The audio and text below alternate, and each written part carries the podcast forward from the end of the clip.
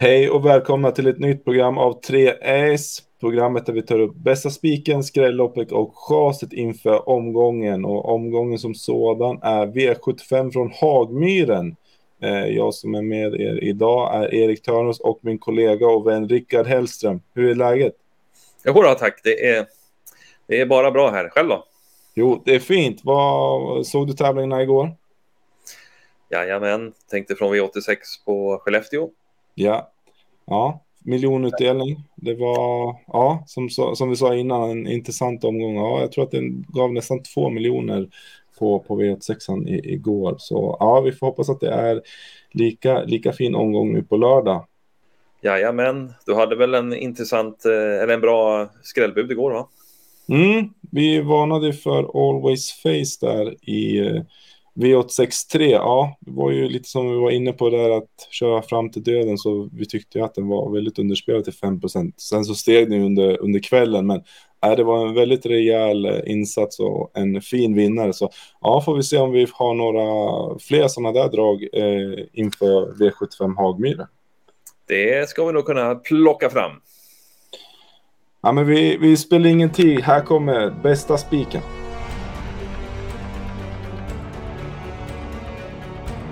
Spiken Rickard, var hittar vi den?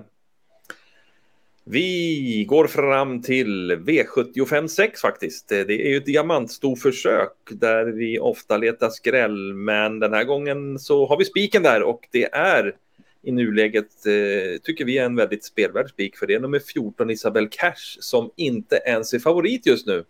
Det, eh, jag såg det där på loppet och Pretty Primadonna är favorit i nuläget. Eh, där kan vi säga att det är Per Linderoth som kör istället för Örjan Kihlsen. Var, ja, det känns ju lite som att...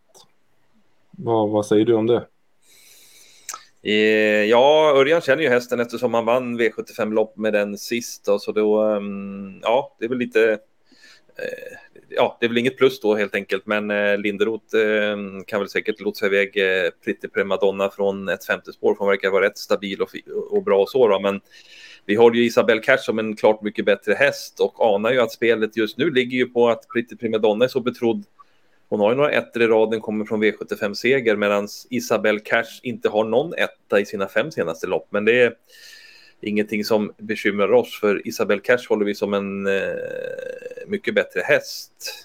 Sen är ju läget lite lurigt kanske sådär, men, men nej, hon verkar på gång Isabel Cash i alla fall. Hon kom ju från en bra insats senast där hon kördes fram utvändigt de ledande Celias inför slutrundan och här ser vi upploppet där hon inte kunde rå på ledaren. Men hon fullföljer ju bra och håller ju undan för bland annat Lassa Sikaja som kommer på utsidan där eh, och tar tredje priset. Lassa Sikaja vann ju V75-lopp eh, i lördags på Axevalla. Så att äh, men den här insatsen äh, var bra. Äh, visst kan ju läget då som vi sa vara lite lurigt här med tillägg och många hästar att runda, men motståndet avskräcker inte och ja, skulle inte bli förvånad om Magnus Djuse kanske tar ett tidigt initiativ här om inte tempot är så högt och då kan han nog sitta utvändigt om ledaren inför slutrundan och mm, ja, beroende på vem som leder kanske till och med sitta i ledningen. Så att ja, det är, ja, vi har svårt att inte gå på henne som spik nu när hon inte är så speciellt hårt betrodd om man säger så. Vi trodde hon skulle bli betydligt hårdare spelad. Så att en spik där helt enkelt på 14 Isabel Cash. Spik alltså i V75 6, nummer 14 Isabel Cash.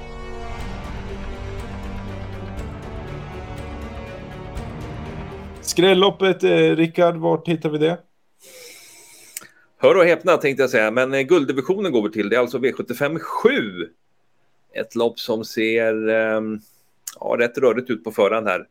Eh, var inte helt enkelt att eh, tippa det här tidigt i måndags förmiddag när vi satt med det loppet. Så att, eh, och det ser ganska rörigt ut och det finns en klar favorit här just nu i 8 Soidi AMG och det är ju inte fel om man ser på intrycket senast. Hon vinner på ja, den snabbaste tiden man har sprungit i, Nor på, i Norge. Och såg ju väldigt läcker ut den gången. Men ja, vad ska hända från spår 8 bakom bilen här när hon inte är så startsnabb? Och det, ja, det finns ju, kan ju bli krånglig väg här och en tung resa. Så att ja, det ställer ju till det lite. Så att eh, det här loppet har ju öppnat upp sig en del. Vi har ju till exempel clickbait som en startsnabb frontrunner som, frontrunner som får börja från eh, bakspår och etta ett hos Kronos med lite lurigt innerspår på Hagmyren här. Så att, mm, ja, det är ett klurigt lopp. Eh, vilka tycker vi är intressanta där bakom då som lite lågprocentare? Ja, det är ju skrällopp så då måste vi då ska vi lyfta fram och, och tycker det finns två riktigt eh, bra Eh, lågprocentare i nuläget här. Nummer nio, Intiboko som ju kommer tillbaka nu eh, senast här i Eskilstuna då förra veckan blir det ju då. Um, han har varit borta ett år från tävlandet. Eh, vi ser ju här på bilderna när han kommer in på upploppet först i tredje spår där och Jan Kihlström som kör Intiboko. Eh, får man säga fullföljer bra som fyra där, eh, även om man inte riktigt kunde utmana de främsta där i Phoenix Foto Brother Bill som var etta, tvåa och Gunnar spurtade in som trea då, men Ja, men han fullföljde väl bra, lopp i kroppen, spår 9 där i rygg på en startsnabb eh, Knight Brodda kan komma igenom bra. Så att, eh, nej, det där är en, en eh, rätt så ja, intressant lågprocentare. Tycker också man ska nämna nummer 5, From a Mind som, From the Mine, som en lågprocentare här. Gick ju faktiskt strålande bra sist i Finland bakom Hierro Boko. Och är ju väldigt startsnabb, framförallt om man väljer att sätta på ett helt stängt huvudlag som man kanske har funderingar på att göra nu. Ulf Olsson upp dessutom här så att um, fem from the mine, nio inte Boko. Ja, det är två lågprocentare man inte ska missa i det här loppet tycker jag. Nej, spännande. Eh, det är som du säger där, Soda MG blir ju klar favorit. Men det är spår 8, hon är lite hetsig om hon trycks iväg från start. Och sen har vi Aetos Kronos också från ett innerspår med startkatapulter utanför. Så det kan mycket väl hända. Och som du säger, inte Bok och därmed ett lopp i kroppen efter lång frånvaro kapaciteten på honom vet vi alla om. Och ja, eh, som du säger där med From the Mind också, intrycket senast då. Skulle det bli något helstängt huvudlag så känns det otroligt spännande med 2 på, på honom. Mm, ja, verkligen. Skrälloppet alltså V757, högsta klassen.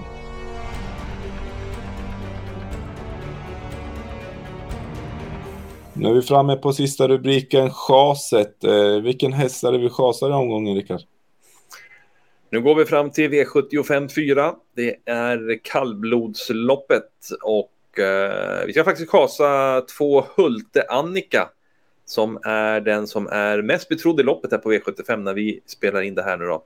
Och eh, ja, Hulte-Annika kommer ju från en V75-seger när hon för eh, nästan två veckor sedan där vann i Årgäng och vi ser på bilderna här det loppet när hon kommer först in på upploppet eller kommer in i, tredje, i fjärde spår in på upploppet och sedan eh, går undan på bra sätt och vinner det där loppet och det var ju ja, en riktigt fin insats av Hulte Annika. Eh, men ja, hon tjänade 200 000 på ett bräde där och den gången mötte hon bara ston. Hon har faktiskt gjort fyra starter i år och alla fyra loppen har bara varit i storlopp. Förutom att hon nu möter hingstar och vallacker så är det dessutom bra hingstar och vallacker så att eh, motståndet hårdnar rejält. Dessutom gick hon barfota fram sist, ska gå med skor runt om nu så att eh, vi tror inte så mycket på henne faktiskt. Jag tycker att hon har en tuff uppgift här trots den där fina segern senast och ja, vi har rankat henne en bra bit ner så att det var inte så svårt att hitta chas för oss den här veckan. Det är alltså två Hult-Annika. Chaset alltså i V754 nummer två, Hulte-Annika. En liten sammanfattning vad vi har kommit fram till så hittar vi bästa spiken i V756 eh, och det är nummer 14, Isabel Cash. Skrälloppet eh, går vi till V757 och där varnar vi lite extra för nummer 9, Intiboko och nummer 5, From the Mine. Sedan så chasar vi nummer 2, Hulte-Annika i V754. Eh, tack så hemskt mycket för att ni tittat och stort lycka till på liret.